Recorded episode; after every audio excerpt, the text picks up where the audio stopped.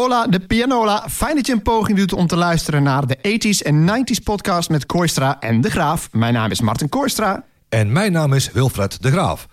Vandaag gaan we het hebben over de muziek uit 1988. Maar nu eerst. Het is niet te geloven, de tijd gaat zo vlug. Martin en Wilfred, die kijken terug. Bijzonder of boeiend, hilarisch of raar. Zomaar het nieuws, feitjes uit het jaar. 1988 is het jaar van de paspoortaffaire... waardoor minister van Defensie Van Ekelen... en staatssecretaris van Europese Zaken Van der Linden moeten aftreden. Voor gamers is er in 1988 goed nieuws. Creative Arts introduceert de Sound Blaster... waarmee de geluidskwaliteit van computergames... een gigantische sprong voorwaarts maakt. Het is ook het jaar waarin Bruce Willis zich eindelijk een filmster mag noemen. Hij scoort een enorme hit met Die Hard, maar Tom Cruise speelt de hoofdrol in de meest succesvolle film van het jaar, Rain Man, met Dustin Hoffman trouwens ook. Op 1 april verschijnt A Brief History of Time van Stephen Hawking. Dit boek over kosmologie, de ruimte, tijd, God en de toekomst wordt een internationale bestseller. Enkele dagen later arresteert de Nederlandse politie Ferdi Elsas... de man die een half jaar eerder Gerrit-Jan Heijn had vermoord. Hij verraadde zichzelf doordat hij in februari... een deel van het losgeld meenam naar de plaatselijke Amrobank. En op 25 juni kleurt Nederland oranje... nadat het Nederlands elftal de finale van het EK voetbal wint. Ja, een maand eerder was Eindhoven rood-wit... omdat ze de Europa Cup 1 wonnen, dat wil zeggen PSV. Uh, wat is het meest interessante nieuwsfeitje hieruit voor jou?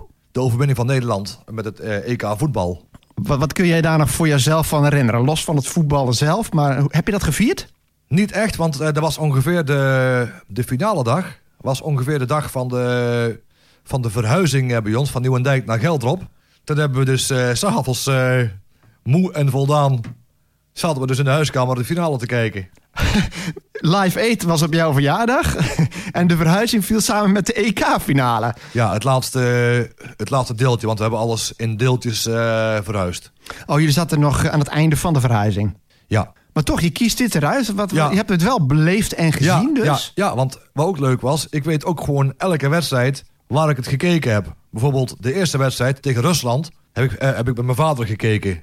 Een andere wedstrijd uh, tegen Ierland die op het laatste moment nog gewonnen werd met die, met die goal van Wim Kieft. 81ste minuut, ja. Ja, precies. Die heb ik gekeken. Toen ik bij een vriend van mij ook een beetje mee aan het werk was. Hij gaf niks aan voetbal, maar hij zei... Ah, ga binnen maar even kijken, de laatste uh, kwartier. En dan die, uh, heb ik uh, ook gewoon bij ons thuis de halve finale gekeken. Ja, met die, met die goal van Van Basten tegen Duitsland. Ja, ik denk dat, dat, dat ik volgens mij nog kramp aan mijn kuit kreeg van het opspringen. En dan die finale was gewoon... Ja, en, en die finale was volgens mij de eerste wedstrijd van het Nederlands elftal. Nu twijfel ik of mijn zus er nou wel of niet bij was. Want meestal als zij erbij was... dan verliezen ze altijd. Oké. Okay. En dit was juni, dus dan was jij net geslaagd. Ja, ik heb op, uh, op 13 juni 1988 mijn uh, MAVO-diploma gehaald. Kijk, dat viel ook nog eventjes mooi samen dan. Ik, ik kan mij uh, van het EK nog wel herinneren. Nou ja, ik ben nooit zo heel fanatiek geweest. Maar op die laatste dag heb ik wel wat make-up gekocht of zo. Ik geloof wat oranje zooi of rood, wit en blauw. En toen zijn we na afloop met een of andere vlag een beetje door de buurt gaan rennen. Heel kolderiek eigenlijk. En dat was het. Leuk. Maar nou te zeggen, heel erg memorabel. Ik, uiteindelijk, het is maar voetbal. Hè. De fans zullen zeggen, ja, fantastisch. Maar ja, het speelde zich allemaal af natuurlijk. Het feest speelde zich allemaal af in, in 020 in Amsterdam en niet in, uh, niet in Eindhoven. Dus uh, ik denk dat wij daar toch een beetje nuchterder voor waren. Hoewel PSV wel hofleverancier was van, uh, van het Nederlands elftal. Ja, ja. Alleen, ja, we praten wel steeds over van... ja, het geweldige EK hè, van 88. Maar ja, als je gaat kijken... er deden in principe maar acht landen mee. Ja, klopt. En dan is het natuurlijk wel dat dat de beste landen waren van dat moment. Maar ja. het is wel behoorlijk veranderd. Ik geloof dat er nu... Deden in Europa nou ook al 32 mee of 24 of zo? Er zijn natuurlijk allemaal landen bijgekomen. En het voetbal is ook gewoon getransformeerd. Maar over PSV... Ik heb vandaag nog eventjes teruggekeken... die hele wedstrijd en die penalties, hoe die geschoten werden. Moet de PSV ook eventjes noemen. En wat mij opviel is hoe cool eigenlijk iedereen die penalties nam. Tegenwoordig, als je in zo'n finale staat... en dan ook op een EK of een WK... dan is het allemaal fluitconcerten en zo... en je ziet de spanning op die spelers... Maar ik heb al die penalties even gekeken. Iedereen gewoon doodrustig, balletje erin trappen. Zo. Ook geen flauwekul. Ik denk, is er, nou, is er nou zoveel meer spanning op komen te staan? Dat, dat zal dan toch wel. Ja, en tegenwoordig is het zo... als er een penalty genomen is... en of hij nou raak of mis is... Er kan altijd eventjes een, een VAR meekijken of de keeper niet te vroeg bewoog. Of de speler niks, niks fout deed. oh, we het maar niet over VAR hebben. Dan gaan we heel erg afwijken. Weet je wat, er gaat over computers hebben. Want voor mij is het nieuwtje de komst van de Sound Blaster. En hem eventjes voor degenen die die tijd niet hebben meegemaakt. Wij waren allebei wel bekend met... Bedoel, je had over de Commodore 64 en zo. Je had, eigenlijk begin jaren 80 had je een bepaald geluid. En dat geluid dat ontwikkelde zich eigenlijk heel langzaam... totdat die Sound Blaster kwam. En om daar indicatie van te geven... gaan we even luisteren naar de openingsmuziek... zoals die op een pc was van King's Quest uit 1984. Komt-ie.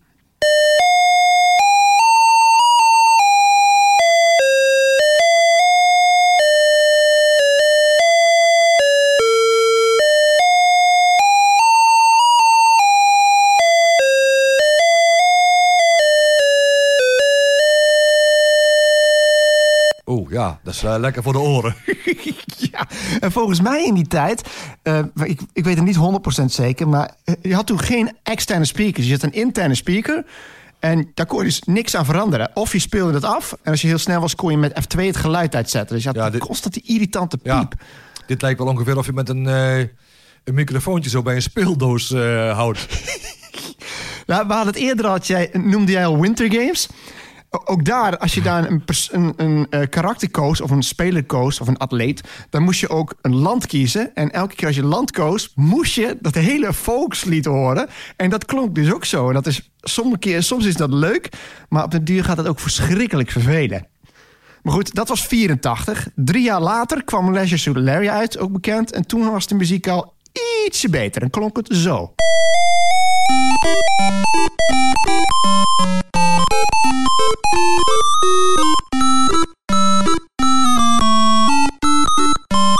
Ja, het mag nog geen, serieus, ja, nog geen serieuze naam hebben, vind ik. Het is wel een klassieker. En in ieder geval is het wat melodieuzer. Want het zijn heel simpele green sleeves en dan één toon tegelijk. Hier zit er wat meer swing in, in ieder geval. Maar nog steeds dat je denkt, oh, zet uit, zet uit, toch? Ja. En toen kwam 1988 en de Soundblaster op een computer en die klonk zo.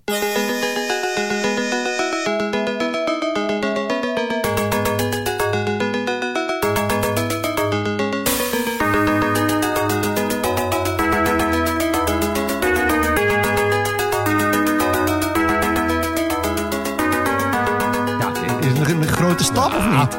Voor toen de tijd wel, ja. Dit, dit is geluid waarmee je denkt, ja, daar kan ik mee spelen. Laat ik lekker het geluid aanstaan. Zo'n Soundblaster was nog voor toen de tijd nog best wel prijzig volgens mij hoor. Oeh, daar heb ik geen idee van. Maar het is het algemeen natuurlijk wel met de nieuwe technologie. Dat uh, nou, de, de pioniers hebben, dan kost het nogal wat. Het heeft voor mij ook in ieder geval nogal jaren geduurd voordat we die overstap maakten. Omdat het op een duur standaard werd. Want zo'n geluidskaarten was ook een gedoe om dat te installeren, geloof ik. Maar de, de spellen werden er echt beter op daardoor. Ook met de, de grafische kwaliteit zo van, van Hercules. Zegt je dat nog iets? Het groene scherm? Kom, uh, we hadden het over geluid. Laat ik me niet al te ingewikkeld maken. Dat is wat mij betreft het nieuwsfeitje van het jaar... Uh, wat voor mij het meest interessant was.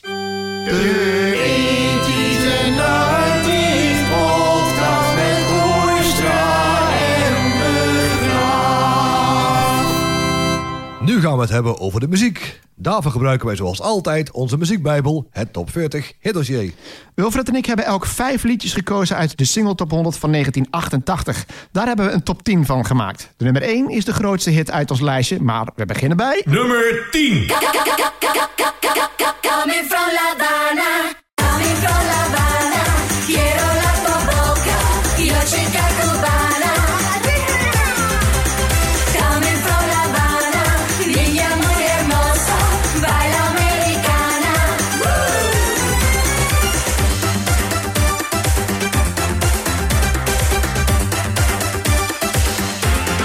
Tatjana met Chica Cubana. Geschreven door Claudio Acciatino en Mauro Farina. Hmm, Tatjana bekend van Flodder. Ja, Tatjana inderdaad bekend van, uh, van Flodder. Ja, ik, uh, ik ken de plaat als een, uh, een frisse Italo-plaat met een, ja, een lekker zomerse sound. Ik zie ook al overeenkomsten met Sabrina. ja, in meerdere opzichten. In meerdere opzichten. En het valt ook gewoon nog, zelfs toen de tijd met beperkte apparatuur viel het nog eh, heel goed te mixen. Dus uh, ja, zoek de overeenkomsten en verschillen met Sabrina. En ja, Tatjana aan zich ik vond het een, eh, een mooie en grappige vrouw. En vandaag de dag gewoon nog steeds eigenlijk. Is tegen de 60, hè? Die is in 1963 geboren, dus eh, die is 59 zo ongeveer. Die loopt tegen de 60. En daar heb ik een beetje van opgezocht van, eh, ja, als er, eh, die heeft dus eh, ja, zangles eh, gevolgd eh, ondertussen al tijdens de acteerwerken. Ja, en toen in 1987 bracht ze, een, eh, ja, bracht ze een single uit, Baby Love. Ken jij het? Nee, Nee, het zegt mij ook niks. het kan wel zijn dat ik, dat ik het misschien een keer gehoord heb, maar het heeft geen indruk gemaakt. Maar ja, de volgende single, Chica Cubana, werd dus een top 10 hit in heel Europa. En later, in 1989, had ze ook nog een hitje met Awaka Boy. Eh, Wakka boy, boy. Ja, ja, ja, ja, ja, ja, ja. Mm-mm. Aha. Mhm. Aha, ja, ja, ja. Ik, dat is best een geinig liedje inderdaad. Niet zo'n grote hit geweest. Een beetje veel meer van hetzelfde ook. Maar het, het grappige is, zij speelt een beetje met het imago van het domme blondje. Dat doet zij ook in Awaka Boy. Ik heb die videoclip Ja, gezien. ja, ja. En op een gegeven moment dat doet ze alsof ze de tekst vergeten is. Terwijl die tekst heel simpel is. Dus dat is wel grappig. Ja, want eh, ja, dan heb ik nog een beetje een, eh, een soort van, van spoiler alert. Jawel, want je kent het intro van eh Chica Cubana. Nou, het spoiler alert is dat in de, in de podcast, in deze aflevering en bij 1989... komen nog twee platen voor met zo'nzelfde soort intro. Oké, dan ben ik benieuwd welke liedjes dat dan zullen worden. Dat is dus niet een, dat is een teaser, zullen we zeggen. Spoiler is het niet, want we gaan natuurlijk niet zeggen welke liedje het gaat. Maar Nee. wel een, een Oh, dan heb ik het verkeerde woord.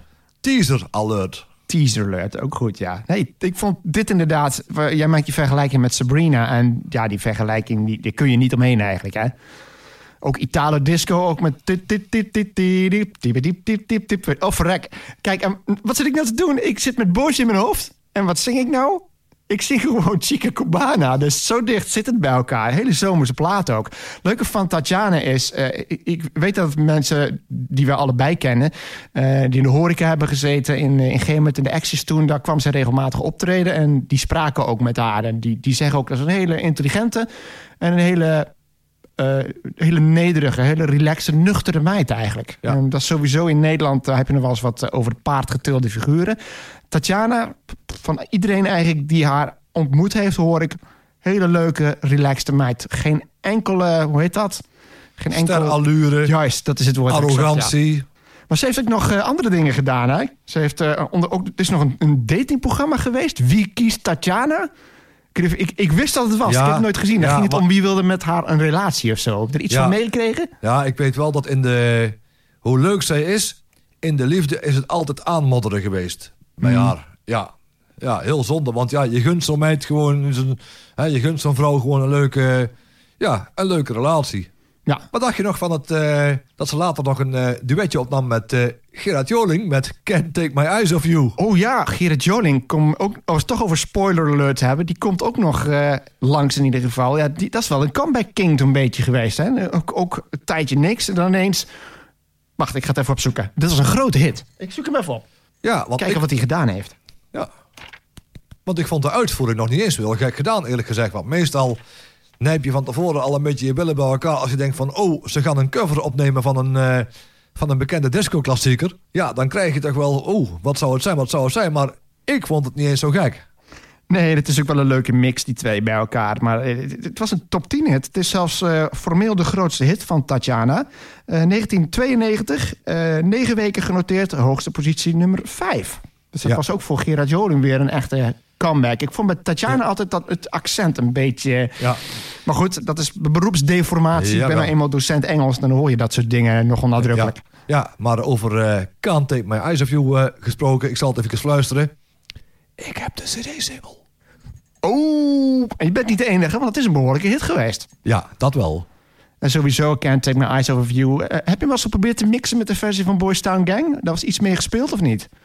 Nee, maar ik zou het misschien wel kunnen, kunnen proberen eh, met, eh, met mijn eh, computer. Om dan ook zeg maar om te kijken of Boys Town Gang, als ik die helemaal recht kan trekken in de maat, je wel, want die zou ongetwijfeld hand gespeeld zijn, die, eh, die drum.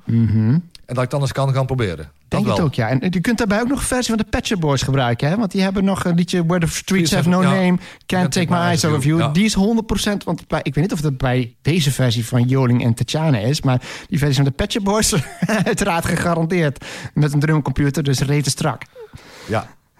Tatjana ook nog een studentenkookboek gemaakt trouwens. Wel grappig, ik heb het even opgezocht. Uh, studentenkookboek heet gewoon studentenkookboek, geloof ik. En daar sta, er staan dan streekgerechten uit Kroatië, want ze is geboren in Kroatië. En staat erbij met prachtige foto's. en ja, met Tatjana op de cover denk je prachtige foto's. Ja, ik denk, Waarvan? Ja, ik denk dan vlees verkoopt. Juist. Kom, we gaan door. Nummer 9.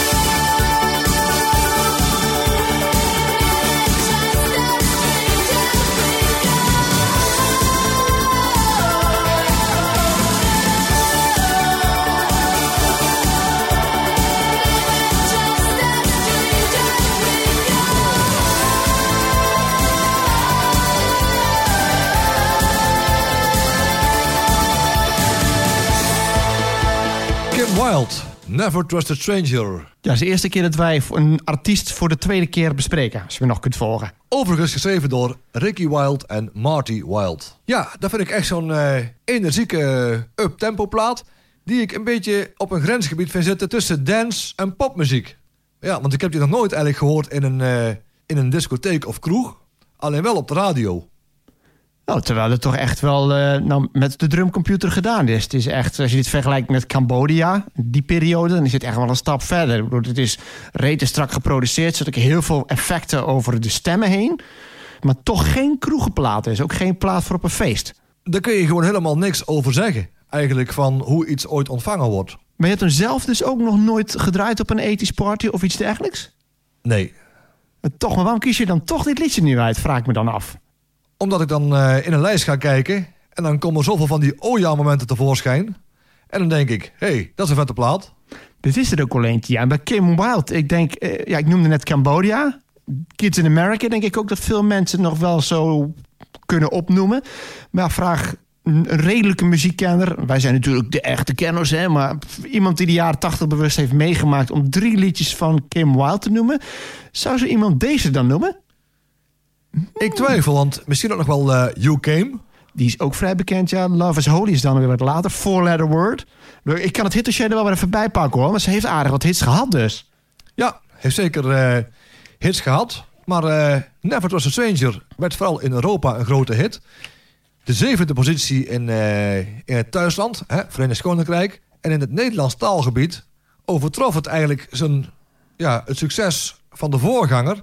Dat was uh, You Came met een vierde positie in de top 40. En een zesde positie in de Vlaamse Radio 2 top 30. Ja, ik zit ook gewoon te kijken naar de statistiek. En dit is echt vreemd. Ik bedoel, de grootste hit van Kim Wilde die kwam veel later. Dat was het duet met Nena. Any Place, Anywhere, Anytime. Maar als we die bij de beschouwing laten... Gewoon cijfermatig, hè? want daar is die lijst op gebaseerd van de top 40. 323 punten.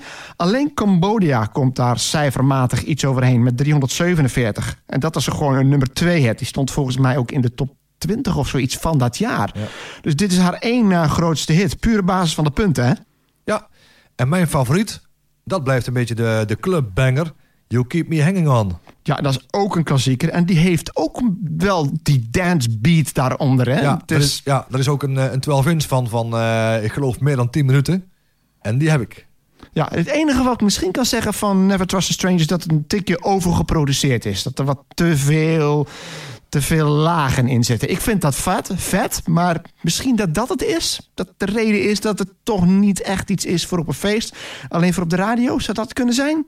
Het zou misschien kunnen zijn, ja. Oh, ja misschien uh, net wat te, te ingewikkeld voor het uh, disco-publiek. Het album Close was ook gewoon echt gewoon een, goede, een goed album. En die viel precies samen met uh, Michael Jackson's Bad Tournee. Ah ja. En zij stond in het voorprogramma van Michael Jackson in heel Europa. Ja, daar kijk ik dan toch een beetje van op. Een beetje, want vaak ook bij de grote artiesten zijn het eh, artiesten die zeg maar komen. Dat zijn meestal vaak nog beginnende artiesten die ambitieus zijn. En Kim Wilde natuurlijk al een gevestigde naam. Dus uh, goed, een, een, mooie om erbij te hebben inderdaad. Ik wist niet dat ze dat, uh, dat, ze dat gedaan. Michael Jackson toch net, net even een stapje groter. Maar dat verschil is niet zo groot als je zou denken. Nummer 8.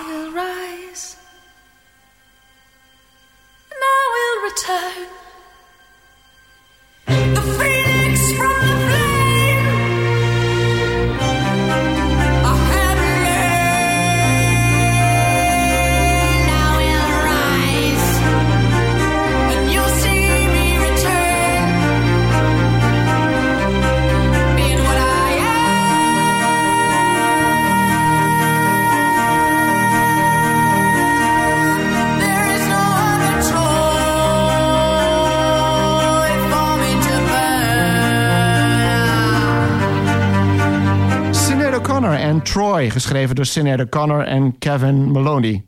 Ja, uh, Sinead O'Connor is een beetje raar. Die heeft twee goede albums gemaakt. En The Line in the Cobra, daar komt het vanaf. Luister die. Iedereen die van muziek houdt, zou ik zeggen, moet daar naar luisteren. En natuurlijk de opvolger, uh, I Don't Want What I Haven't Got. Waar dan haar grootste hit op staat, hè? Nothing Compares to You. Maar Troy, ja, dit, dit is we hebben het net gehad over, over de Whitney Houstons en zo. En de, de, de divas. Celine Dion, die kwam wat later. En dat zijn allemaal zangeressen die heel goed kunnen zingen. De ergste vind, daarvan vind ik Christina Aguilera. Die kwam veel later. Maar die kunnen allemaal technisch perfect zingen. Maar er zit vaak geen ziel in. En Sinead O'Connor, dat hoor je zeker in dit liedje. Geen, technisch geen goede zangeres. Daar kunnen we heel kort over zijn. Maar die zingt vanuit haar hart en die, die laat haar ziel gewoon horen. En dit liedje, als je daarnaar luistert, gewoon kippenvel. Er is ook een live versie van Pinkpop. Maar, maar, maar, daar is de, manier waarop zij haar gevoel blootlegt. En ze was 20 jaar zo fantastisch. En dat dit überhaupt, dit liedje, 6,5 minuut, dat dit überhaupt in deze lijst staat, zegt wel iets over dit jaar. Ja, ik denk het wel, want ja, ik zeg eerlijk, ik luisterde toen de tijd ook wel veel muziek. Alleen ja, ik zeg eerlijk, als ik dat nummer hoorde...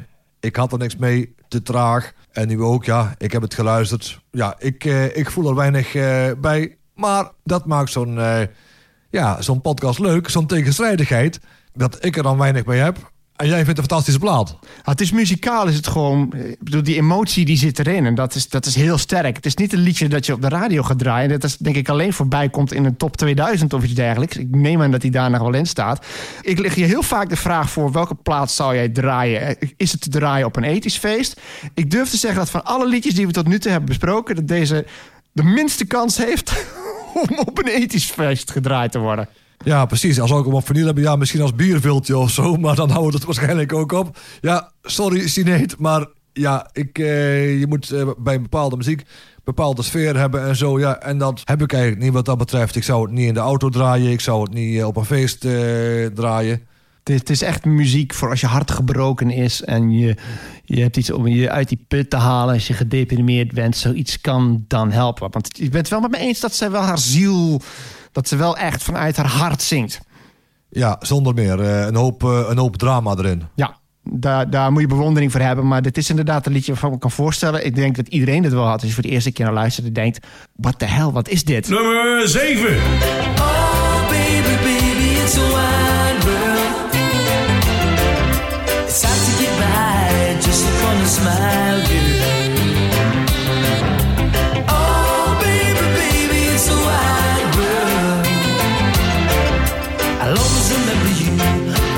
child Oh. Maxi Priest, Wild World. Geschreven door Ben Steinberg en Tom Kelly. Deze, deze cover ja, vind ik mooier dan het origineel. En uh, ja, vanaf het eerste moment dat ik het al hoorde, was het meteen al de, de, de, de sound ook gewoon goed opgenomen. Ja, echt gewoon een, een uitvoering waar ik al helemaal gevoel bij kreeg. En denk van, ja, dit is vet. Zo kun je zo kun je een nummer ook gewoon een beetje, ja, een beetje upgraden. Ja, Maxi Priest sowieso in die tijd, een paar jaar, toch echt wel een paar grote hits gehad. En werd ik wel gezien als een soort opvolger van Bob Marley. Maar het is een hele gelikte versie van dit liedje. Heeft ook nog een paar andere hits gehad. Die zijn ook gewoon heel goed geproduceerd. En als je het toch over hebt, net over Troy gaat, dat gewoon anti-commercieel is. Dit is wel rete commercieel. En dat is denk ik ook waarom jij, mede waarom jij dit liedje gekozen hebt. Ja, toch? want, ja, want Jij weet volgens mij technisch misschien iets meer van de drums af uh, dan ik. Maar op een uur bij het begin al die toem, toem, toem, toem, toem. Ja, daar, daar is al zo, zo mooi. Daar is al een uitnodiging om, uh, om te luisteren. Ik moet even weer iets opzoeken. Want er is uh, volgens mij een paar jaar later nog een versie uitgekomen. Oh. Mr. Big, weet je nog? Van Just be to be the next to be with you. Die hebben ook hier een hit mee gehad. Kun je die nog herinneren? Ja, ze hebben het wel opgenomen, maar... Top 10 hit, 19, veel later, 1994. Maar ik, ik vroeg me af wat je van die versie vond. Maar kun je die nog voor de geest halen? Nee, eigenlijk helemaal niet. En toen de tijd maakte ik radio. Dus als, het dan, als in de tijd dat ik eigenlijk uh, qua branduren... het meeste met muziek bezig was... als het geen indruk gemaakt heeft, dan uh, zal het zijn reden hebben. Nou, je zei ook al van je bent niet zo fan van het origineel. Ik dacht trouwens eventjes eerst dat het origineel van Jimmy Cliff was, maar het is van Cat Stevens. En Mr. Big, ja, die versie lijkt weer veel meer op die van Cat Stevens. En die valt dan bij mij eigenlijk een beetje in de categorie overbodige cover. Want ik vind, ongeacht wat je mooier vindt, is het wel altijd goed als je een coverversie doet, dat je er ook een eigen draai aan geeft. Ja. En je probeert het origineel na te apen. Ja, precies. Het, eh, het naapen, want dan, lijkt het, ja, dan gaat het lijken op een, eh, op een karaoke-versie, zeg maar. Ja. En wat wel aardig is, dat is een trend, zie ik nou toch wel. Als ik kijk naar het lijstje. Maxi Priest, eh, ook zo'n artiest. Eén of twee jaar zo rond eind jaren 80, begin jaren 90. Twee redelijk succesvolle albums gehad. Een paar hitjes. De hemel ingeprezen en... Ja. Foetsie, nooit meer iets van gehoord. Ja, want op zich, deze plaat zou ik dan, als ik hem in een mapje zou zetten in mijn eh, collectie, dan zou ik hem bijvoorbeeld plaatsen in hetzelfde mapje als, eh, als Boy George Everything I Own. Ja, gewoon een, een lekkere poppy reggae plaat. En ook dat was een cover, ja. Everything Ja, I Own. Ja, ja. ja, ja, ja, ja. ja, gewoon lekker. eh, ja, ik wil zeggen, ja, ja, wil je een, een, ook een dramatisch liedje misschien een beetje een, eh, een vrolijke tintje geven? Reggae beat werkt altijd. Ik denk ook een lekkere terrasplaat, denk ik dan. Een caféplaat, maar niet een feestcafé, maar een soort bruin café. Eh, gewoon gezellig, een beetje met een borreltje en een drankje met wat vrienden zitten. Dan heb je op de achtergrond wat muziek. Denk ik, daar is dit soort muziek en Boy George ideaal voor, toch? Ja, zeker. Ja, krijg er dorst van. In dat geval, ik ga inschenken. Nummer 6.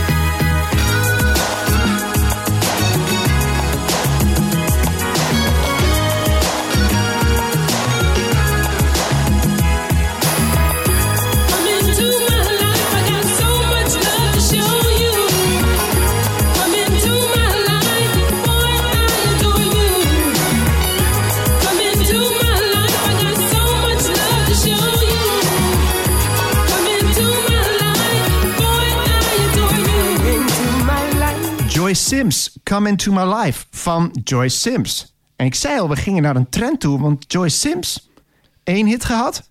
Dit, geweldige plaat, geweldige zangeres, zelf geschreven.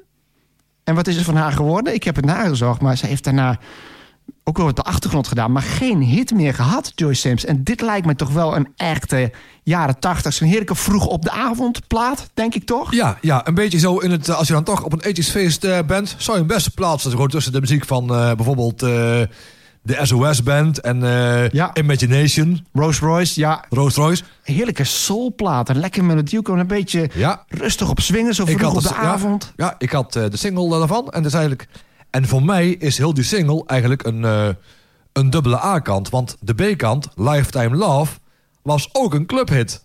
Ja?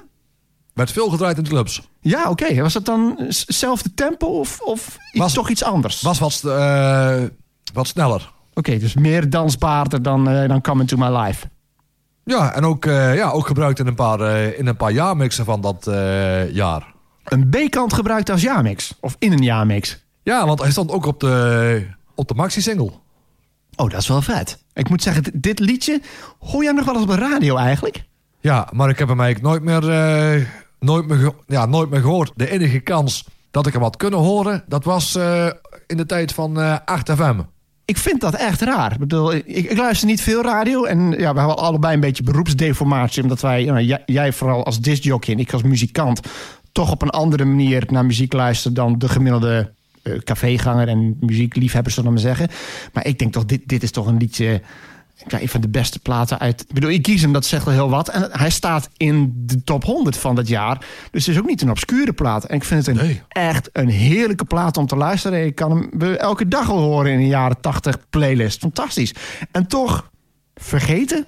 Ja, toch wel. Ja, ik denk het wel, want als ik in, als ik in de auto zit en hij komt spontaan eh, komt hij op in, eh, op de radio, dan gaat automatisch de radio harder hoor. Dan gaat die knop zeker harder. Bij mij ook inderdaad. Ik kan me toch niet voorstellen dat wij de enige zijn. En nogmaals, zo'n talent.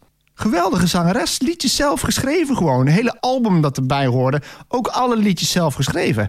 En dan vraag je je af, wat is daarvan geworden? En het zal wellicht goed met haar gekomen zijn. Hoor, daar niet van. Maar je denkt toch ook, ik had graag meer. Ik had gehoopt op meer. Maar goed, ze laten ons in ieder geval dit fantastische liedje na. En daar Ja. kan ik mee leven.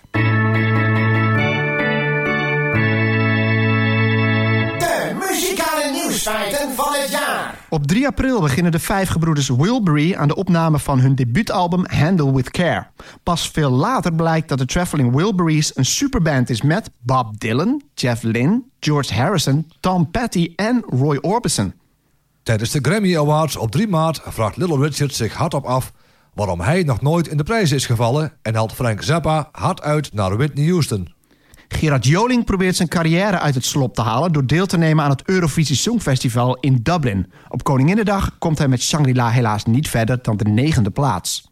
Op 5 mei wordt Michael Jackson de eerste niet-Rus die verschijnt in een commercial op de Russische televisie. Foolish Beat van de 17-jarige Debbie Gibson bereikt op 25 juni de eerste plaats in de Amerikaanse hitlijst. Zij is daarmee de jongste artiest ooit die nummer 1 hit schreef, produceerde en uitvoerde. Op 6 augustus start MTV met het eerste hip-hop programma ooit. Yo, MTV Raps, gepresenteerd door Fab Five Freddy. Zo, wat is jouw nieuwtje hieruit? Het eh, berichtje over eh, Gerard Joling. We komen toch weer bij Gerrit Joling uit. Hij was al genoemd, jazeker. De naam is genoemd, ja, ja, ja. Ja, het ging toen eigenlijk niet zo best met zijn carrière. Dat viel me wel op, want hij had een paar hitjes gehad. Hè? Love's in Your Eyes, Ticket to the Tropics, Reach. Maar dat was al 1986. Dus twee jaar eigenlijk had hij gewoon geen hits gehad. En toen dacht hij waarschijnlijk, laat ik dit maar eens doen. En een jaar later scoorde hij weer zijn grootste hit met No More Boleros.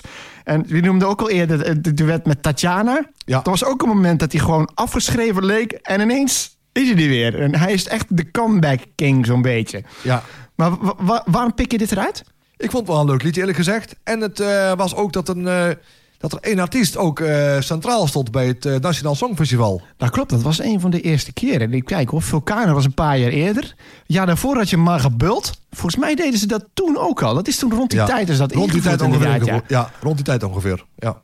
Ik ben benieuwd, wat, wat voor liedjes zou hij nog meer gedaan hebben dan? Dat, dat Shangri-La, maar dan moet hij dus ook andere liedjes gedaan hebben. Ja, nou, ja, ik heb eventjes opgezocht. En de nummers die het niet geworden zijn, dat waren Heel Verliefd, Hmm. Happy End in Hollywood, ik, die zou ik nog wel eens willen horen. En ik zou Gerrit Jonas eens willen uitdagen om dat liedje nog eens live te spelen. En zonder daarbij in de lach te schieten. wie, wie heeft dat verzonnen? Wie heeft dat verzonnen? Ja, Ja. oké. eh. December in April, Ja, een waardeloze titel, maar goed. Doe Lang, Doe Lang, Eh, Oké, dat zou iets meer zijn voor, eh, voor, de afgelopen Eurovisie Songfestival. Voorlopen daarop. Doe lang, doe lang. Als, is dat dan een, een- Hoe is dat geschreven? Is dat Nederlands of niet? D- D-O-O-L-A-N-G, Oh, doe lang, doe lang of zoiets. Doe Lang, Doe Lang. Oké. Ja. Ook weer een waardeloze titel, zeg Ja. ik het zelf. Ja, het zou ongeveer kunnen zijn hoe ze in, hoe ze in Thailand Duran Duran uitspreken. Oké, ja. Nog meer liedjes of niet? Want dat zijn er al best veel. Ja. Mijn droom. Ja, mm, klinkt een beetje als een... Als ik denk op basis van de titel, denk ik echt zo'n zweverig ouderwets Eurovisie. Dromen van vrede en liefde op aarde en zo. Dan denk ik van de titels dat Shangri-La nog de beste is. Was er nog eentje dan? Nee, er waren volgens mij eh, zes eh, liedjes. En eh, op nummer twee was Heel Verliefd. Nummer drie was Mijn Droom. En nummer vier was het Happy End in Hollywood. Ja, dat kan ik me voorstellen. Die andere, dat is ook allemaal niks. Ik ben benieuwd hoe die dingen dan zouden klinken. Maar wat vind je van het liedje zelf, Shangri-La? Ja, leuk. Gewoon echt gewoon een beetje het... da- daarbij krijg ik echt het, het Songfestivalgevoel. Leven zonder liefde. Ja. Het, het is nog wel die tijd, en ik denk dat veel mensen dat missen. Het is nog wel de tijd dat je gewoon een orkest had. Dat het orkest ook echt iets, echt iets toevoegde. Ja, en dan zie ik hier... eh, ja, zie ik van ja, van, hè, het kwam helaas niet verder dan de negende plaats. Maar voor zo'n negende plaats... De jaren daarna zijn er gewoon jaren geweest... dat was Nederland ons niet eens plaatste voor de finale. Nee, dat klopt. Maar in die tijd was natuurlijk Europa nog veel kleiner. Dus ik geloof dat er toen misschien 16 landen meededen of zo. Dus later is dat echt enorm uit de klauw gegroeid. De negende plaats is, eh, was denk ik in de tijd... stond je net in het rechte rijtje of zo. Een beetje... Eh, Marga Bult had het jaar daarvoor redelijk goed gedaan met de vijfde plaats. Maar de negende plaats was niet om over naar huis te schrijven. Daar zouden we nu denk ik toch wel tevreden mee zijn. Vandaag de dag wel. ja. Ja, Hey, voor mij is het nieuwtje eigenlijk gewoon omdat ik het goed vind dat hij genoemd wordt. Eh, Little Richard en Frank Zappa op de Grammy Awards. Want Little Richard die heeft, eh, ja, die, die is, heeft zich altijd wel uitgesproken. Dat is gewoon een uitgesproken persoonlijkheid. En die zegt ook altijd: Elvis is niet de king, dat ben ik. En dat klopt ook wel eigenlijk. Als je gewoon kijkt naar wie nou, nou de eerste persoon was... die nou echt een aantal van die rock'n'roll hits had. Tutti Frutti en eh, Good Golly Miss Molly. Dat is gewoon Little Richard. En die ik krijgt gewoon nul prijzen. En Frank Zappa. Ja, als je het hebt over het niet commercieel... heb je ooit Frank Zappa geluisterd of niet? Nee. ik daag jou uit om dat een keer te doen. En om het langer dan 10 seconden vol te houden. Hij is, bedoel, we hadden het over Sinead O'Connor. Dat zit muzikaal heel knap in elkaar. Maar Frank Zappa, puur muziektechnisch gezien... ongelooflijk wat hij allemaal kan. Maar ook ik, als ik daar naar luister, heb wel iets van... wow, dit ja. is iets te veel. Muzikaal genie, muzikaal Ja. wonderkind. En het gaat alle kanten op. Briljant, Ja. maar absoluut niet toegankelijk over het algemeen. Nee, want eh, Frank Zappa was ook een, eh, een favoriet van onze, van onze gezamenlijke eh, vriend eh Armaan. Ja? Armaan hield van de muziek van Frank Zappa. Oh, dat vind ik wel. Ik bedoel, je zou zeggen dat is Bob Dylan die kant op. Maar muzikaal is die link wel heel ver uit. Is het niet met elkaar te verbinden? Dat Nee. is het niet. Hoe weet je dat? Nou ja, hij had het er vaak over. Want ik sprak hem ook wel eens zo bij, in de muziekwinkel in, in Eindhoven. En dan heb je het ook over muziek en zo. En ook waar, je dan zelf ook nog wel eens zo eh, luistert. En dan eh, ja, kwam toch ook al Bob Dylan tevoorschijn, Frank Zappa. Ja, ik denk dat wat zij gemeen hebben is echt eigenzinnigheid. Want Armand natuurlijk ook altijd zijn eigen koers gedaan. En als er nou iemand echt eigenzinnig was... en totaal niet druk maakte om wat anderen vonden... En ja, over Whitney Houston zei hij ook van... ik snap niet dat, eh, dat Amerika blijkbaar afhangt van Whitney Houston. Dat, dat Whitney Houston het antwoord is op de problemen in Amerika. Dat was eigenlijk wat hij zo'n beetje zei. En ik, ik, ik weet niet of het nou specifiek aan Whitney Houston eh, gericht was... maar meer dat het een opmerking was over het algemeen... over de status van de popmuziek. En mooi dat, dat hij dan zoiets durft te zeggen. Want hij is wel iemand, net als Armand, spreekt vanuit het hart. En dan soms zegt hij wel eens wat controversiële dingen. En wat denk je dat hij er nog heeft? Helemaal niks. Helemaal niks. Dus vandaar, ik vind het mooi gewoon om Frank Zappa even genoemd te hebben. Want ik ben een bewonderaar van hem. En ik daag iedereen uit om gewoon eens één album van hem van begin tot einde te luisteren. En dan zelf te bepalen wat je van hem vindt.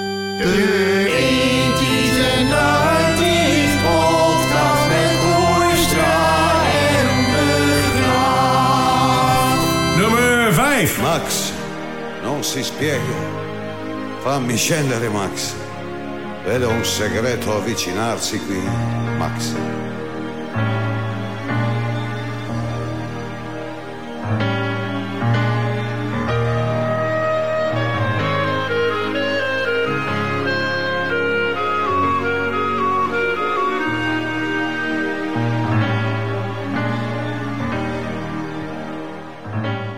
Paolo Conte en Max, geschreven door Paolo Conte zelf. En Paolo Conte was 50 toen hij deze hit had. En Dat klonk wel als een hele oude man, hè, als je dat zo hoort.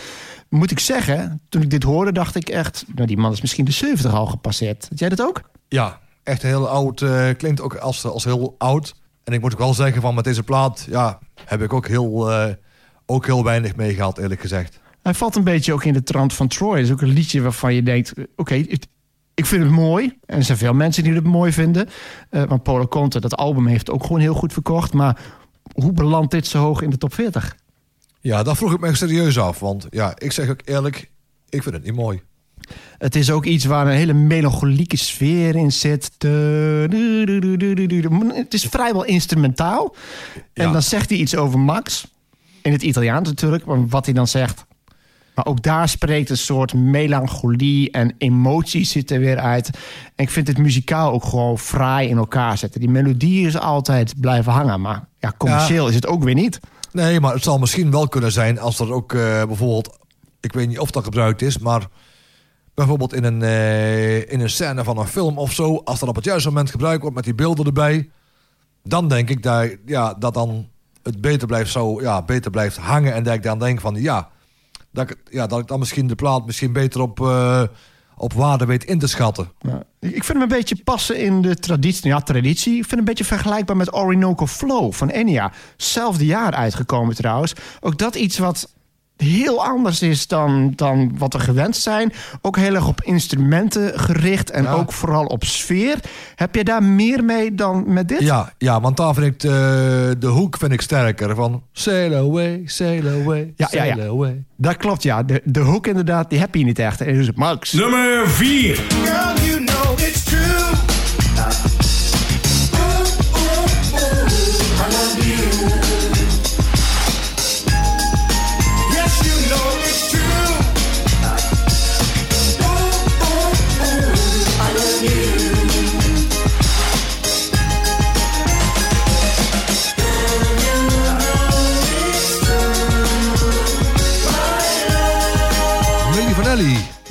You Know It's True. Geschreven door Bill Petaway Jr., Kevin Lyle, Kai Adjemo, Rodney Holloman en Sean Spencer. Ja, daar kreeg ik helemaal het, eh, het gevoel van bij het begin van mijn eh uitgaansleven. Bij het horen van de plaat helemaal. Dan, dan kwam je in de plaatselijke discotheek in, eh, in Geldrop. Nog weinig mensen binnen. Dan hoor je ook gewoon de beats op die tegelvloer nog helemaal, nog helemaal weer kaatsen. Dan vind je de eerste eh, pilsjes die eigenlijk helemaal nergens aan smaakten. Ja, dat was nog helemaal eh, geweldig. Ja, Milli Vanelli, ja, het wordt een beetje omschreven als fout, maar de, de, de beat vind ik, vind ik lekker. Ik was wel, wel redelijk fan. Nou, het foute zat er natuurlijk in het feit dat er een ontmaskering achter zat. Want eh, de twee mannen die gepresenteerd werden als Milli Vanilli... dat waren playbackers, die konden het live ook niet doen. Ik geloof dat op een gegeven moment dat er een concert was... of een, eh, misschien een, een, een of zo, waar ze zouden optreden. En dat was de bedoeling dat ze live zouden spelen, maar ze playbackten. En dat vond het publiek, die vond dat belachelijk. En toen bleek uiteindelijk dus dat zij niet Milli Vanilli waren. Het waren eigenlijk studiomuzikanten die het hadden opgenomen. En zij, twee knappe jongens, broers geloof ik... Ik weet niet of het broers waren. in ieder geval twee vrienden van elkaar. Die presenteerden zich dan als het gezicht van die band. En eh, ja, het grappige, of het grappige, een beetje het zure is... toen die ontmaskerd werden, is er nog een keer een hit uitgebracht... onder de naam The Real Vanilli. En was het gelijk voorbij. En volgens mij is dat de reden, dat weet ik wel zeker... is dat de reden waarom Milli Vanilli nu als fout is bestempeld. Keep on Running was volgens mij van de, van de Real Milli Vanelli. Ja, ken jij het? Keep on Running. Ja, ik vond het een dikke plaat. Oké. Maar het is niet een liedje dat je ooit nog hoort. Ik bedoel, Girl You Know It's True is nog wel eentje die, eh, denk ik, misschien wel hoort op een ethisch party, toch? Ja, klopt. Je hoort hem bijna niet. Maar ik durf wel te zeggen, ja, ik heb het over Keep on eh, Running. Oh, ja, ja. Keep on Running, die hoor je weliswaar eigenlijk niet. Maar op mijn USB-stick eh, voor, ja, voor in de auto... heb ik wel in een 90s mapje wel bijvoorbeeld Keep on Running staan. Ja, maar dat is het ook. Het is, gewoon het, het, is natuurlijk hetzelfde. Alleen die twee jongens waren niet meer te zien in die videoclip. En nu zie je opeens andere muzikanten die er wat minder glamoureus uitzien. En ja, dan Ja. haken mensen blijkbaar af. Dat is een beetje de conclusie, toch? Ja, ja, want Keep on Running en eh, All or Nothing... Klopt, ja. Oh ja. Oh, nou, nou zie ik dit. Eh, All or Nothing eh, heeft nummer 11 gehaald. En Keep on Running was toch nog een top 10 hit. hey. Ja, Oh, daar heb ik mij toch vergist. Het is niet zo dat het helemaal niks werd, maar eh, wel minder grote hits, zullen we zeggen. En natuurlijk een product van eh, meneer Farian, hè? Natuurlijk sowieso. We hebben het al vaker over producers gehad. Maar ver- verraste me al dat in de eerdere uitzendingen... dat Boney M niet aan bod kwam. Terwijl, dat toch, terwijl ik weet dat je er ook een liefhebber van bent, toch? Ja, de keuze van, een, de keuze van platen is, is wel eens ja, afhankelijk misschien wel eens van het moment. Maar ik heb ook wel zoiets van, moet ik nou per se het meest voor de hand liggend gaan, gaan uitzoeken? Maar er zijn wel overeenkomsten, hè? Want als je aan Boney M denkt... daar zat ook iemand in die eigenlijk muzikaal niks toevoegde... maar die iedereen zich wel herinnert. Die danser. Ja, Bobby. Bobby inderdaad, die, die kent iedereen, maar die deed gewoon niks. Die was alleen op het podium erbij. Die zat er dus puur om de show wat leuker te maken. Dus dat deed Frankie Farian toen ook al. Ja, heel simpel. Als een kunstje werkt, dan moet je er gewoon blijven doen. En ja, Milli Vanilli, misschien de artiesten zijn wel fout... maar de muziek staat wat mij betreft gewoon nog als een huis. Girl You Know It's True is toch gewoon een heerlijke, heerlijke plaat. Ja, maar ik heb op de duur bij een eh 90s feest, eh, dat was eh 90s Outdoor, daar was nog de overgebleven man, die was daar. Ja, hij voegde eigenlijk, eerlijk gezegd, niks toe. Als de DJ gewoon van tevoren de, de platen gedraaid had, had het evenveel eh, ja, effect waarschijnlijk gehad als een live optreden. Ja, ik vond hem een beetje ongemotiveerd. Een beetje ongemotiveerd als een zoutzakje zo, eh, zo staan, eerlijk gezegd. Oh, hij trad daarop dus als Vanilli. Ja, Wat wel grappig is, want het is 1989. En in 1990 hebben ze nog, hebben nog een beetje die naweeën gehad. Maar goed, ze hebben ook hits in 1990 gehad. En ja, ik moet zeggen, Milli Vanilli, dat zijn er twee. Dus ja, als er dan toch eentje wegvalt... Is Ja. als Bo- dus het is een beetje als Boney M zonder Bobby. toch? ja, ja, ja. Ja, waarschijnlijk wel, ja. Het verbaast mij toch ook weer, ik moet het toch weer zeggen... dat jij dan, ik hoor je dan toch zeggen... dit hoor je toch niet standaard op een 80s party. Dat verbaast mij. Ja, mij ook eigenlijk. Maar het zijn wel eens gewoon ja, de, de, de keuzes vaak van... ook bij grotere feesten, de keuzes van een DJ... en of het nou radio-dj's zijn of het zijn eh, party-dj's... ja, die maken de keuze en dan zie je vaak misschien ook wel dat ze misschien van elkaar, misschien wel een beetje qua playlist, een beetje eh, van elkaar eh, kopiëren of zo. En denken, nou ja, goed, als ik een beetje eh, op veilig wil spelen qua platenkeus, dan zet ik geen Milli Vanelli in mijn playlist. Nee, oké. als je dan kijkt van wat, zijn nou echt de 100% veilige platen van de jaren 80... dan heb je er al zoveel dat dit misschien op een soort B-lijst komt te staan. Van nou, als het moet... Toch, blijf het raar vinden. Blijf het raar vinden. Nummer 3.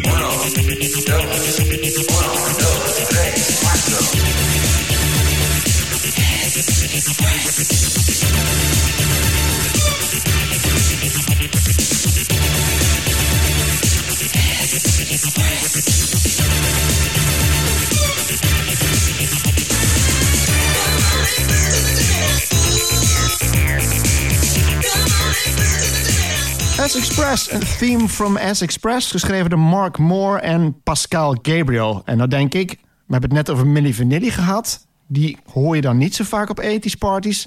Dit is toch wel een van de eerste echte houseplaten, crossover platen, zullen we zeggen, die het wereldwijd gemaakt heeft. 80s party plaat of niet?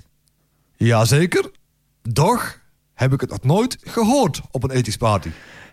Ja goed, ik, sla mezelf even voor de kop en denk, ik begrijp niet wat ik hoor. Dit is toch echt een knaller. En vooral ook omdat die, vind ik, niet gedateerd is. Nee, zeker niet. Ik luister regelmatig bijvoorbeeld eh, op, eh, op Slam. Luister ik, eh, luister ik vaak op vrijdag de, de Mix Marathon. In zo'n set waar ze ook vaak samples en stukjes draaien uit de jaren 90 met een beetje wat, wat dikkere beats eronder. Ja, zou S-Express zeker niet meer staan. Nee, en het had zelf natuurlijk ook eh, bevatte het een sample, want het was gebaseerd. eh, dat hele stukje Ja. is een wat versnelde versie van een klein hitje uit, eh, uit 1979, een disco-hitje van Rolls Royce. Is It Love You're After? Goeie plaat trouwens. Heeft in Nederland eind 79 net de top 40 gehaald. Maar ik, ik kende het eigenlijk niet. Ik heb het pas later leren kennen. En de man hierachter is Mark Moore. En we hadden het al eerder over, eh, in een eerdere uitzending ook over de, de manier waarop eh, House is overgekomen naar Europa. En dat het eigenlijk via Groot-Brittannië ging. Dat het daar eerst groot werd. En Mark Moore was een van de belangrijkste exponenten. Was een discjockey in Londen. Die, die house muziek eigenlijk als een van de eerste ging draaien. En mede door die invloed wist hij dus deze plaat te maken... die, die echt nog staat als een huis. En echt een van de eerste houseplaten was... die wereldwijd gewoon doorbrak. Dus als er één moment is waarop, denk ik dan... waarop echt kunt zeggen... hier breekt de house door en je noemt één plaat... denk ik aan Theme from S Express. Ja, want ik heb altijd in de, in de veronderstelling geleefd... dat eh, het team van S-Express ook een beetje afgeleid was van eh, Team from Shaft. Oh, nou je het zegt? Ja, verdorie. Ja, je hebt natuurlijk... Oh, verdrek. Ja. ja, nou je zegt het nou en dat klopt. Dat zit ook in Theme from Shaft, ja. Inspired by. Ja, maar goed, dat, dat lijkt dan ook een beetje op Rolls Royce... wat natuurlijk uit 1979 komt. Inspired by, ja. Nou ja, zo zie je maar weer. Je kunt er heel veel van dat soort dingen ingooien. En dat was ook een discussie in die tijd. Hè? Van je gebruikt samples van andere muziek... en je maakt er iets unieks van. Dus in hoeverre kunnen dan die oorspronkelijke artiesten... nog rechten claimen eh, op basis van zo'n liedje? Dat is allemaal vastgelegd nu in de auteursrechten... maar dat blijft een interessante discussie. Want het heeft heel weinig nog te maken met... het pakt elementen van andere liedjes... maar het is toch een unieke compositie dit. Ja, want ik vind de plaat ook gewoon kloppen vanaf het begin tot het eind. Want ja, als ik zeg maar eh, op een ethisch feest zou, draaien... dan zou ik bijvoorbeeld het begin, het begin van een setje wat richting house gaat... zou ik dan gewoon beginnen met S-Express. Die begint met een countdown. Ja, ook dat nog, ja. En dan zou ik zeggen, als we het toch hebben over de ethisch houseplaat... misschien komen we er nog op, hoor. Ik hoop niet dat het een spoiler is, maar dan gooi je eventjes daarna Technotronic erin. Bijvoorbeeld eh Technotronic komt er dan bij. eh Hithouse eh, komt er nog bij. Tuurlijk, ja, bij jou moet komt Peter Slaghuis. Daar is hij weer. Jawel. ja, ja, ja, Peter ja. Slaghuis alert. Nummer 2.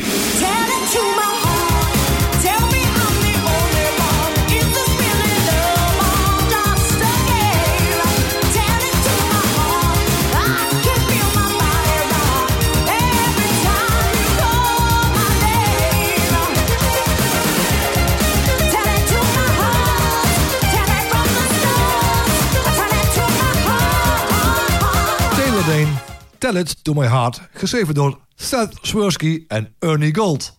Met deze plaat ben ik pas eh, in aanraking gekomen...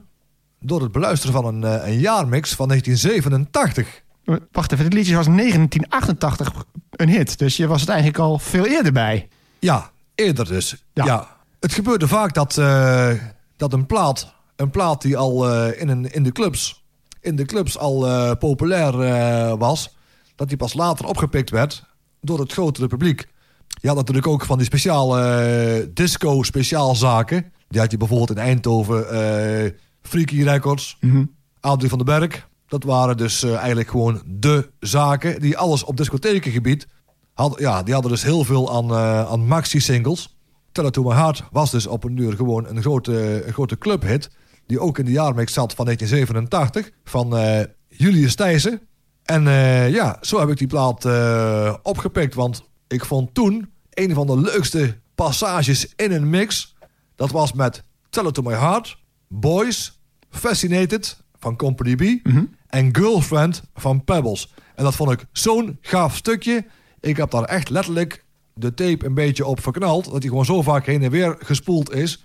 dat hij daar versleten eh, was. Maar ja, het is inmiddels opgelost, jaren later. Want ik heb het nu gewoon natuurlijk digitaal. Ja. Sterker nog, ik heb eh, de originele tape-opname... heb ik van Julius Thijssen zelf toegemaild gekregen. Oh, want de jaarmixen die staan nou denk ik wel dan op YouTube of iets dergelijks. Je kunt ze online vinden, veel van de jaarmixen.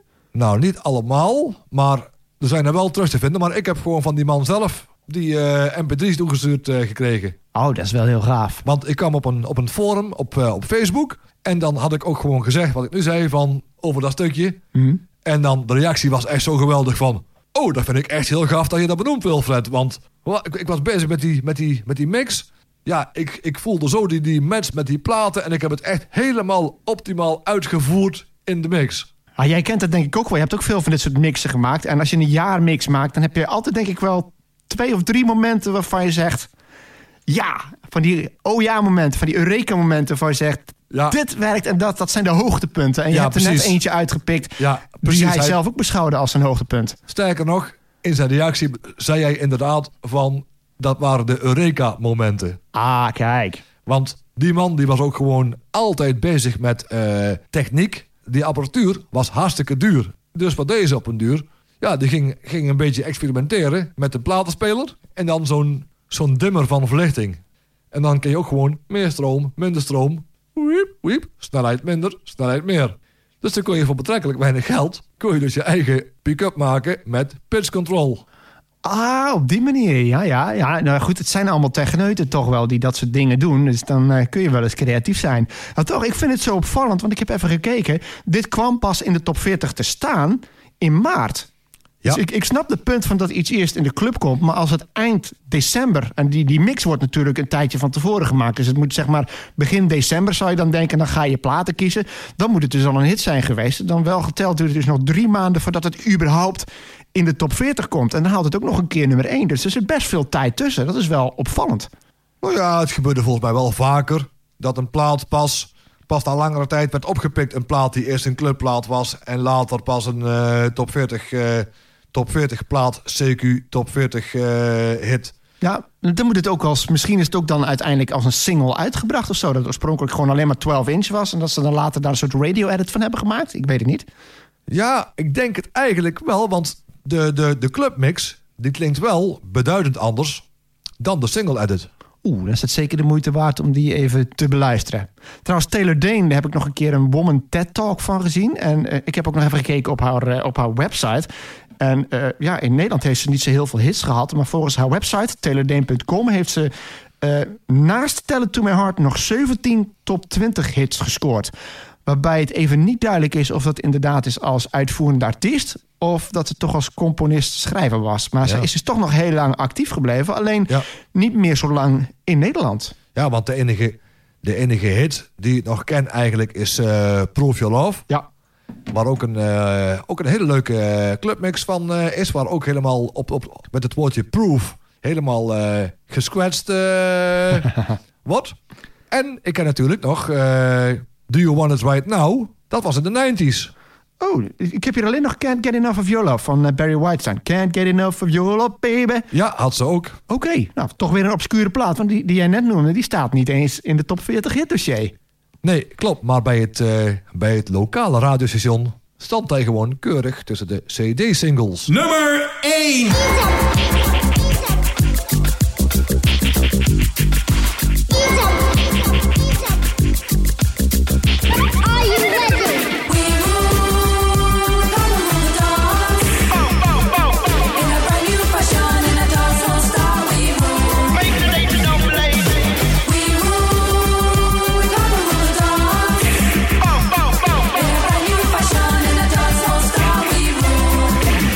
Papa Girl Rappers en We Rule. Geschreven door Sandra en Samantha Lawrence, Hamish McDonald, Charles Ian Cochran. En We Papa Girl Rappers, ja, dit zijn vrouwelijke rappers. Het is een liedje met blazers. Dit is hip-hop eind jaren 80. En toen waren er wel meer vrouwen die grote hits scoorden. En dit is de nummer 1 dus uit ons lijstje. En dit is de nummer 17 uit het jaaroverzicht. En een geweldige plaat. En dus vrouwen hip-hop, een van de grootste hits van het jaar. Ja, want qua vrouwelijke hip-hop, eh, eh, wat ik ken, is, eh is Def de La Des en The Fresh Witness. The Real Roxanne. Sultan Peppa. Salt and Pepper, de, de, de grootste denk ik wel. The Cookie Crew. Cookie Crew, juist, zeker. Moni Love? It's Oh, a oh, shame, shame, shame. En Queen Latifah. Die ken ik niet. Maar dat, dat is wel Nou, typisch. en Laila K. Eh, ja, dat klopt, en dan zit er wel wat later weer, 1993. Maar je, die inderdaad ook. Nou, Laila K had een... eh Laila K zat wel eerder met eh, het nummer Got To Get. Eh, En met dat is- Robin Rass, dat is 91 volgens mij. We zoeken Nou, dat op. moet volgens mij iets eerder geweest zijn, want ik liep toen stage bij het ziekenhuis in, eh in Gelderop. En toen had ik wel tijd om te luisteren, dus het zou best 1989 geweest kunnen zijn. 23, septe- eh, 23 december 1989. Ja, wat verdrie zeg. Ja, dat was een, eh, een nummer 2 hit inderdaad, ja. Le- Lela K. Ja, het punt is wel, en dat is wel opvallend... als je kijkt gewoon eind jaren 80... en je kijkt naar hiphop en mannen en vrouwen... is die verdeling vrij gelijk. Ik bedoel, we, we noemden net een aantal die gewoon hits hebben gehad. Salt Ja. Pepper natuurlijk, mega hits gehad. En in de jaren 90 lijkt het een beetje te zijn gekaapt... door Two Life Crew en NWA Ja. en dergelijke. En zijn die vrouwen, We Papa Go rappers ook... En, eh, eh, Ineens Di- weg. En eh, eh, Dimples D, Soccer DJ. Dat zegt me eventjes niks. Ik, ga toch, ik kijk altijd als het in het, eh, als het, in het Ja. hitdossier staat... En dan wat- ben ik een eikel. Als en het er niet in staat, ja. dan heb, weet jij gewoon heel veel. En wat nog een klein beetje nog, misschien, misschien een beetje de, de voorbode was... van een plaat die volgens mij helemaal geen hit geworden was. Misschien al enkele jaren, enkele jaren eerder. Dat vond ik een beetje het intro van, eh, van Sidewalk Talk van Jellybean met Madonna. Oké, die ken ik zo ook niet. Sucker DJ overigens eh, nummer 14 gehaald in 1991. Dus toch een behoorlijk hitje inderdaad. Eh, ik was er nog eentje, die staat ook in deze lijst. Eh, A Bit of You Too. Kiss AMC. Kiss AMC, ja, die was ik even aan het opzoeken. Ook dat was, die staat ook gewoon in deze top 100. En dat zijn ook dames. Dus waar zijn de dames? Zijn opeens gemarginaliseerd, lijkt het wel, in de hip-hop door al die gangsterrappers. Het is toch goed om te weten hoe belangrijk vrouwen waren. En wat vind je van We Rule zelf eigenlijk, dit liedje? Ja, super. De eenvoud eigenlijk van de muziek. Die je wel lekker, eh, lekker inknalde, ook in de discotheken. Want het werd ook wel gedraaid bij, eh, bij discotheken. De, gewoon de eenvoud. En ook, het, het, het klopte ook gewoon een pakkend, een pakkend deuntje. Het, is- je eh, zingt het zo mee. We rule, Ja. we papa rule the dance. La la la la la la la la la. We rule. Ja. En dan komt eh, de mama appelstap. En dan hoor je zo van... Peter heeft het overleefd. Ja. ja, er zijn delen die je, niet, eh, die je niet goed verstaat. Maar ik vind ook, ze hebben nog twee andere hits gehad. Eh, Heat It Up was ook echt een clubklassieker volgens mij. Geweldig liedje.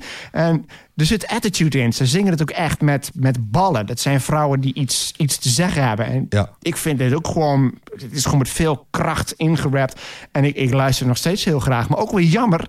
Wat is er geworden van de We Papa Girl Rappers? Een paar grote hits, Ja. twee albums Ja. en Footsie. Ja, want als ik praat vanuit mijn eh, producers eh, hart, dan vind ik ook gewoon dat ook gewoon op de goede manier de echo en reverb gebruikt zijn in die productie. Die ook gewoon helemaal lekker mee, meedijnt in het ritme van die strakke beat. Ja, dat is een beetje vergelijken met Kiss AMC. Die heb ik nog eens geluisterd. En dat, dit is eigenlijk heel slordig allemaal. En dit Ja. klinkt gewoon, klinkt gewoon Zo- als een tierenlier. Zoals wij zeggen, gewoon een gelikte productie. Ja.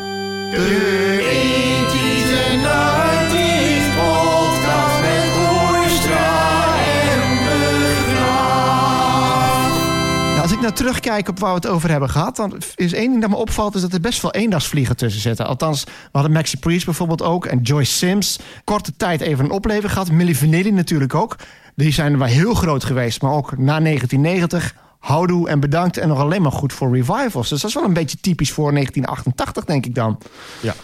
Ja, en 88 was ook een beetje de, als je dan over heel de lijst eh, kijkt, ook wel een jaar geweest. Waarin ook gewoon ja, de, de platen met samples ook weer eh, ook opkwamen. Ja, de opkomst van de house inderdaad. Bump the Bass, Be This, ook zo'n typisch liedje. Ook lekker. Eh, Flim, nee, Flim Flam was nog niet, dat komt later. Maar eh, het is ook, we hadden allebei moeite om liedjes te kiezen, hè? Ook dat. Want Kill Your Darlings, we mogen er maar vijf kiezen. En dat Ja. had ik bij dit jaar, hadden we dat allebei, dat gevoel. We Ja. hebben gewoon liedjes niet kunnen bespreken. Maar eh Flam Flam was wel eh, 1988. Zoeken we eventjes op. Ja, want ik had die gekocht op mijn verjaardag. Dus of het nou 88 of 89 was. Oh, ik moet bij de T kijken, want officieel is het Tolga Flim Flam Balkan. Ja, ja. Het zou me verbazen, maar Tom Todd Terry, oh, nou, Todd Terry, is toevallig. Tolga Flim Flam, ehm, 23 juli 1988. Ja, dus toch. Dan heb ik die waarschijnlijk gekocht toen hij nog in de tipparade stond. Dan heb ik hem nog bij de Swing In gekocht. Och, nostalgie inderdaad, ja. Want die single heb je ook. De single heb ik ook, jazeker. Met de blauwe, er waren volgens mij verschillende versies van. Die van mij had een blauwe hoes. Ja. Ik heb ze later ook met een gele hoes gezien, geloof ik, of zo. Maar hij was in ieder geval eh, lichtblauw. Ja. Best of a Joint Mix. Er stonden alleen maar letters op, inderdaad, ja. En die B-kant was ook goed. Eh, ja, Don't Look Into The Future. Beginnend met Toto.